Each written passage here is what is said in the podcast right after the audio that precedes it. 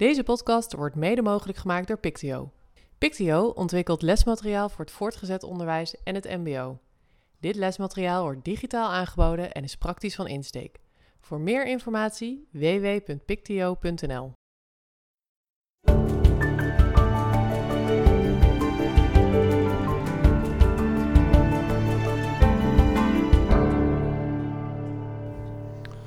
Welkom bij de Pictio Onderwijs Podcast, de Teacher Tab aflevering nummer 6 alweer. En ik ben Wietse Niese, directeur Onderwijs en Kwaliteit bij Ronduit Onderwijs. En ik maak deze podcast samen met Wim. Hoi Wim. Hoi Wietse, ik ben Wim Pelgrim, docent Nederlands op het Dr. Trippenberg College en daarnaast directeur van stichting Blockchange. En vandaag gaan we het hebben over het snottebellenbeleid en de corona-achterstanden. Ja, en wat die twee met elkaar te maken hebben, dat gaan we zo uh, horen van uh, Amber Walraven. Hoi Amber, voor de mensen die je niet kennen, zou je nog heel even willen vertellen wie je bent, wat je doet en wat de Teacher ook alweer is? Ja, ik ben Amber Walraven. Ik werk als universitair docent bij de Radboud Docentenacademie. Ik uh, doe ook onderzoek via het expeditieteam Lerarenagenda. En met dat team hebben wij de app TeacherTab naar Nederland gehaald, waar leraren elke dag drie vragen krijgen die ze snel kunnen beantwoorden. En zo geven ze ons inzicht in wat er op scholen leeft. En ze leren van elkaar hoe het op andere scholen gaat en hoe leraren ergens over denken. Ja, vlak voor de vakantie, de kerstvakantie en, en, net een beetje na de kerstvakantie zijn er weer een aantal vragen gesteld. Er is een mooie blog over gekomen. En uh, ja, ik zei het al, het snottenbellenbeleid en de corona-achterstanden. Uh, die twee lijken dan heel erg met elkaar te maken te hebben. Maar je moet even het verhaal achter die twee termen vertellen. Want het, ik vind het een hele leuke, ja, ludieke, terugkijkend op het jaar-achtige manier om het onderwijs even ja, te reflecteren. Ja, dat klopt. Wij doen uh, in de kerstvakantie stellen wij ook vragen. Onze app stelt uh, elke dag uh, drie vragen. En je bent natuurlijk vrij om niet mee te doen. Maar we vinden het natuurlijk leuk als zoveel mogelijk mensen wel meedoen. Dus in de vakantie, in de kerstvakantie, houden wij een verkiezing voor onderwijswoord van het jaar en onderwijswoord dat je nooit meer wil horen. En in de weken voor de kerstvakantie vragen we dan aan onze deelnemers via een link dien de woorden in voor onze verkiezing. Dus dan hebben we een formulier waar men uh, het onderwijswoord van het jaar volgens hun en het onderwijswoord dat ze nooit meer willen horen kunnen indienen. Nou, van al die ingediende woorden maken wij voorrondes. En in de uh, voorrondes uh, staan dan drie of vier woorden. En dit jaar hadden we vier voorrondes en uiteindelijk dus een finale. Vier voorrondes voor onderwijswoord van het jaar en vier voorrondes voor onderwijswoord dat je nooit meer wilt horen. En daar komt in de finale dan een winnaar uit. En de winnaar voor onderwijswoord van het jaar 2021 is snottenbellenbeleid. En het woord dat we nooit meer willen horen is in 2021 corona-achterstanden geworden. Nou, hey. Woehoe. Pop de champagne, zou ik willen zeggen. En heel herkenbaar. Kijk, het snottenbellenbeleid in het VO hebben we niet echt snottenbellenbeleid. Dat uh, uh, is denk ik echt een PO-woord, als ik dat uh, zo inschat. Maar corona-achterstanden, ik denk, er is ook zoveel discussie over geweest. Laten we daar alsjeblieft inderdaad zo snel mogelijk vanaf zijn. En ja, er zijn wellicht achterstanden en daar moeten we aan werken. Maar dit, dit, het is zo'n iedereen over één kam scheren woord. Want er zijn ook leerlingen die, die het heel fijn vonden om lekker thuis te werken en vooruit zijn geschoten. Ja, nou het grappige dat jij dat zegt, dat zien we dus eigenlijk precies ook in ons uh, antwoord. Want uiteindelijk komt snottenbellenbeleid als winnaar uit de bus van al die mensen die meedoen. Maar we hebben natuurlijk leraren in het primair onderwijs en het voortgezet onderwijs. En als ik de, de finale resultaten splits op sector, dan zie ik precies wat jij zegt. Namelijk dat snottenbellenbeleid in het primair onderwijs op nummer 1 is geëindigd.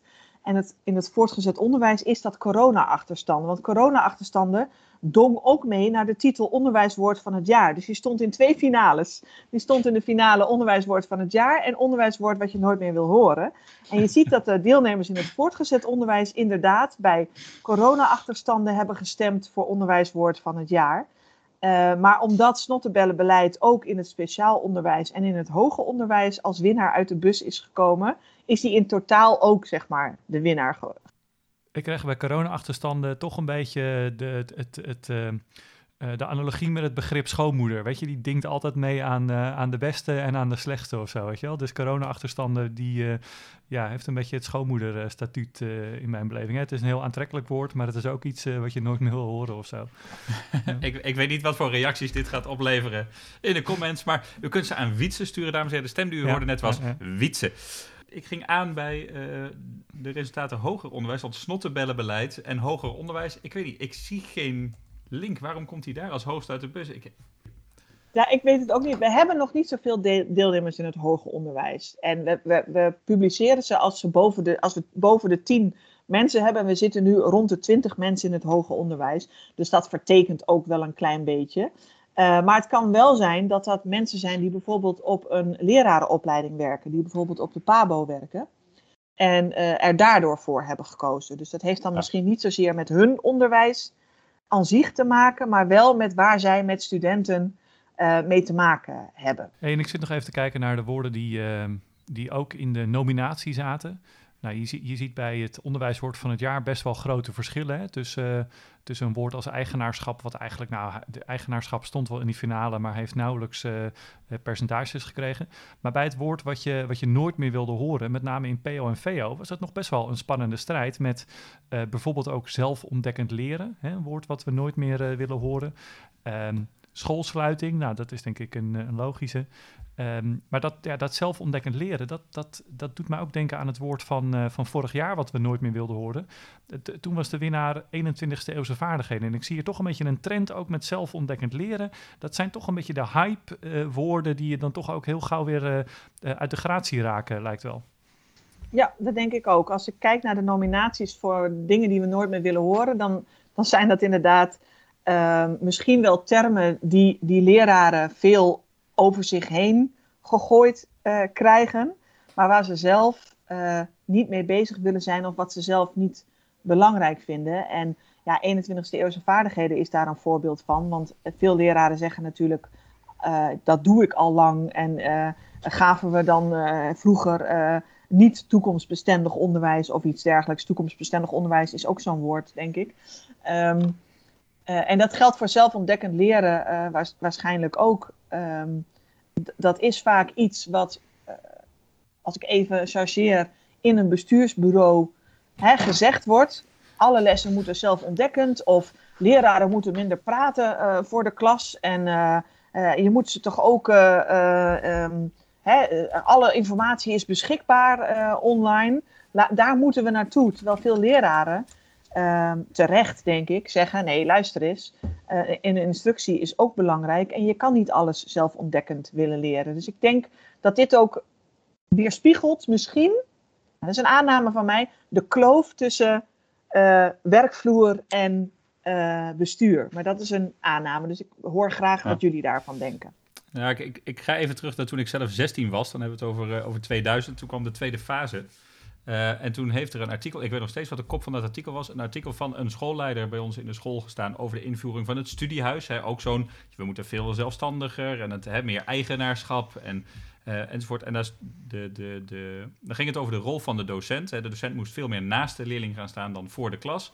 Hè, dus dat, dat, dat gebeurt al 20 jaar. En de kop van dat artikel was de leraar als vriend. Nou, echt bij alle leerlingen en alle collega's op die school gingen er alle haren overeind staan. Ehm, die afdelingsleider was met hem een paar jaar ook weg op die school. Ehm, en het studiehuis was binnen vijf jaar helemaal afgeschaft. Maar dat, dat ja, die, die, inderdaad, die gezagsverhoudingen en, en die rolpatronen, hè, daar, daarvan zeggen, dat moet allemaal anders, want dan wordt het allemaal beter. Ik denk dat daar inderdaad veel jeuk zit bij iedereen die in het onderwijs actief is. Ja, en als het gaat om, om eh, de afstand tussen de praktijk en het bestuursbureau. Ik, ik heb natuurlijk, eh, ik, ik ben de kloof eh, overgesprongen, om het zo te zeggen. Ik eh, kwam uit het onderwijs, of tenminste uit het onderwijs, of ik dat nu niet meer ben. Ik had lesgevende taken op een school en zit nu ja, op het beruchte bestuurskantoor. En wat ik daar wel in merk, het is, het is maar net hoe je het organiseert met elkaar. Dus eigenlijk, eh, gewoon, eh, niet omdat het goed of omdat het slecht is, maar in onze bestuursvorm eh, hebben wij met elkaar bedacht dat er eigenlijk geen veranderingen komen, tenzij het eh, directieberaad, en dat zijn dan alle directeuren van de scholen, in overeenstemming zijn met, ehm, met die aanpassingen. Ehm, en in onze filosofie, iedere school is een autonome organisatie. Hè? Die, dus die, eh, we, hebben van Jenaplan tot Mo- Montessori, tot ook wat, wat mensen dan zelf modern conservatief noemen. Vind ik ook weer een leuke, leuk bedachte term. Hè, want klassikaal lesgeven mag niet meer, maar modern conservatief klinkt toch wel weer een soort van eh, hip, weet je wel. Ehm, en dat is allemaal prima. Maar ik zie ook schoolbesturen, die hebben daar een hele andere visie op. En de bestuurder die zegt, nee, ik vind gewoon een, eh, ik, ik streef een bepaalde visie na op onderwijs. En die, die ga ik redelijk eh, top-down eh, eh, zo in de organisatie eh, eh, duwen. Ehm, en ik wil daar verder geen, uh, nou in mijn woorden geef ik er toch wel een beetje lading aan, maar ik vind het is maar net, ehm, het is maar net wat je zelf prettig vindt. En ook directeuren maken er natuurlijk een bewuste keuze voor. Hè, van vind ik het fijn in een bestuur die, die een heel eenduidige visie heeft hè, en, en noem het dan zelf ontdekkend leren, nou dat is het dan. Of voel ik me juist zo lang bij een bestuur die me als directeur heel veel ruimte en vrijheid geeft en me vooral ondersteunt uh, in mijn eigen uh, missie om, om goed onderwijs in te richten. Ik, denk, ik denk dat, dat geen bestuur daarin vergelijkbaar is. In de resultaten van de kerstvakantie ook heel leuk vond, was de kerstquiz. Um, dat, hè, dat was meer een soort van toets, maar dan voor docenten. En dat waren, dat waren allemaal kerstgerelateerde vragen, uh, waarbij hebben rendieren echt een rode neus er eentje was waar denk ik heel veel mensen wat van geleerd hebben. Want dat ging niet zo heel best. Hè? Als dit de resultaten zijn, dan moet, moet je als docent toch eens een keer op het matje komen bij de directeur van, goh, wat heb je gedaan? Um, uh, hoe, hoe, kijk je, hoe kijk jij zelf, Amber, tegen die resultaten van die kerstquiz aan? Ik had eigenlijk wel verwacht dat deze wat minder goed gemaakt zou, zou zijn. Ik had gehoopt dat de, dat de biologieleraren of de beta-leraren dit uh, misschien zouden weten. Het is een biologieonderzoek namelijk geweest dat in het nieuws was.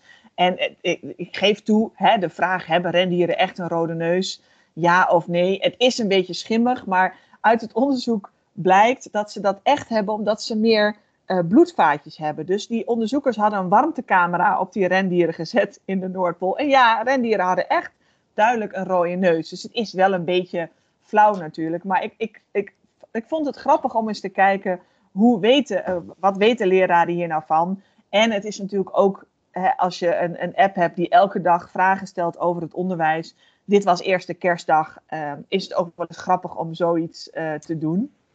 Um, dus ik was niet verbaasd dat deze op deze manier beantwoord werd. Ik we hadden ook de antwoorden als leestip die dag. Dus ik hoop dat mensen dat ook hebben bekeken en er iets van uh, hebben geleerd. Maar ja, de rendieren echt rode neus. Ik geloof dat 90% had het niet goed.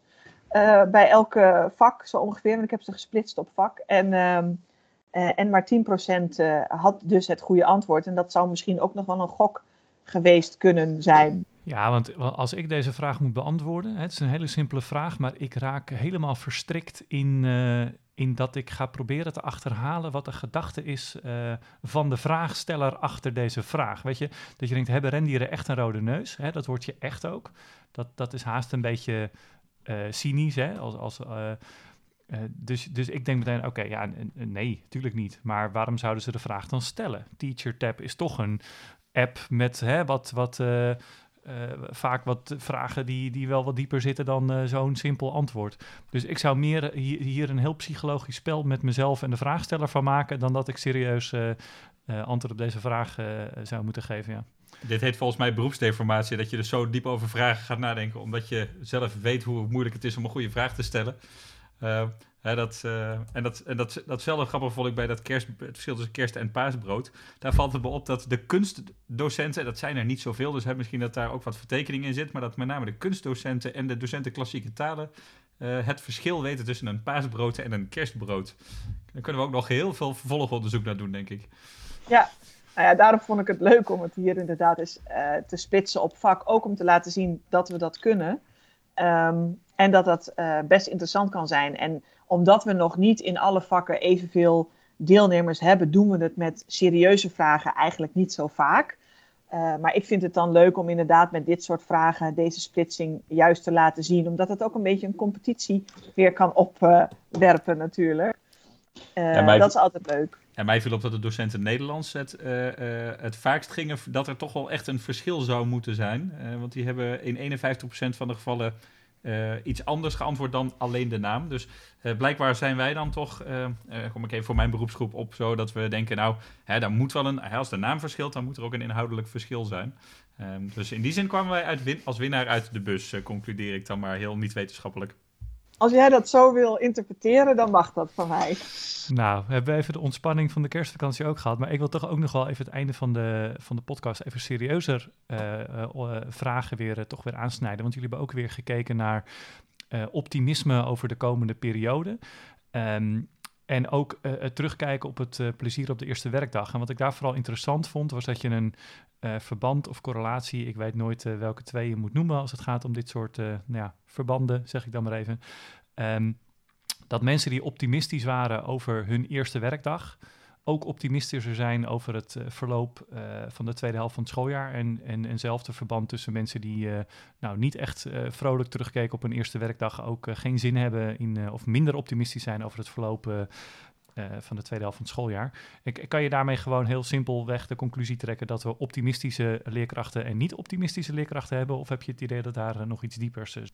Nou, ik denk dat we zeker optimistische leerkrachten en minder optimistische uh, leerkrachten hebben. We hebben die vraag ook even uh, los bekeken. En daar zien we dat het primair onderwijs net iets optimistischer is dan het voortgezet onderwijs en uh, ook dan het middelbaar onderwijs. Middelbaar onderwijs geeft natuurlijk nog steeds digitaal les, mag nog niet open. Misschien, hè, we hebben binnenkort weer een persconferentie, mag het binnenkort wel. Dus dat zien we wel, verschil in sectoren. En um, over dat verband, um, ik vind het lastig om, hè, zou het een self-fulfilling prophecy zijn? Ben je optimistisch en kijk je dus ook met plezier terug op die eerste werkdag? Um, of heeft, heeft echt je eerste werkdag jouw beeld voor de rest van de schooldag al uh, bepaald, zeg maar? Dat, dat vind ik een, een, uh, een lastige. Ik, ik denk wel dat als je met optimisme weer aan de slag gaat, dat je al snel met plezier ook weer op je eerste werkdag terugkijkt. Ik bedoel, dat herken ik zelf wel. Als ik denk, nou, ik heb er wel weer zin in, dan gaat de dag ook best wel snel. En heb ik zoiets van, oh, ik ben er eigenlijk nog niet aan toe. Dan kan ik aan het eind van de dag ook wel denken, oh ja, dit was het. We zijn weer begonnen, snap je? Dus dat, ik denk dat je dat hier ook een beetje ziet. Ja, want als het andersom zou zijn, dan zou je ook nog hè, als, als uh, schoolleiding of schooldirectie kunnen denken van nou, hè, ik moet die eerste dag zorgen dat ik dat optimisme heel erg aanwakker door daar een goede, prettige dag van te maken. Um, want dan kun je daarna, hè, dan, dan gaat iedereen ook veel blijer het nieuwe schooljaar in. Maar ja, zolang je niet weet wat hier inderdaad het verband is, uh, kun je natuurlijk dat advies niet direct afgeven. En ik had wel als concreet voorbeeld, de middelbare school waar mijn kinderen op zitten, die hadden uh, maandag na de kerstvakantie het eerste uur vrij en de leerkrachten hadden dan de kerstborrel. Uh, hè, dat is toch een beetje de gezamenlijke start. Uh, had jij ook zoiets, Wim, om inderdaad hè, dat, dat bewuste optimisme even lekker met elkaar te creëren? Ja, er was bij ons was er een, een, kerstontbijt en de lancering van het nieuwe logo van de scholengroep en de sublogo's van de verschillende scholen en een, een kerstpraatje van de, of, of een nieuwjaarspraatje van de, van de rector. Um, hoewel ik dat nog steeds bijzonder vind, uh, omdat de VO-raad in zijn advies aangeeft alleen lessen fysiek op school en alle andere activiteiten en vergaderingen doe je online.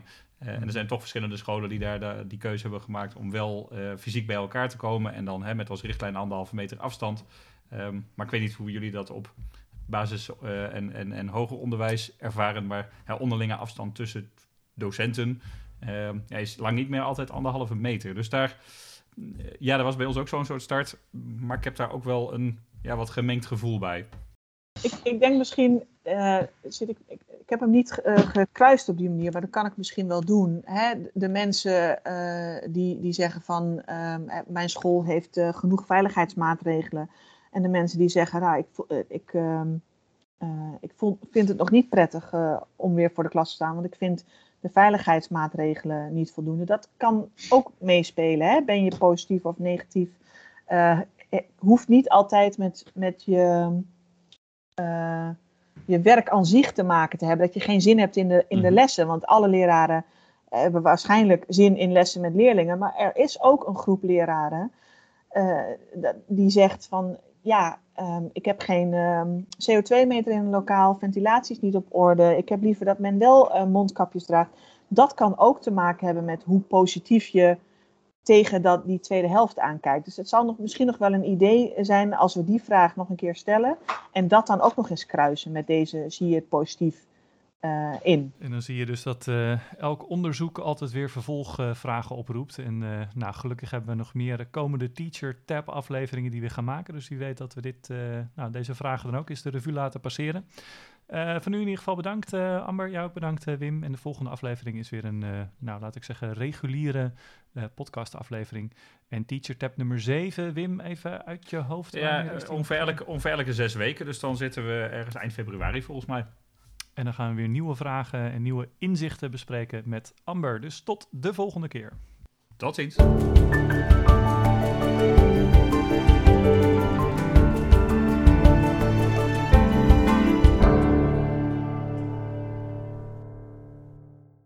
Deze podcast wordt mede mogelijk gemaakt door Pictio. Voor meer informatie www.pictio.nl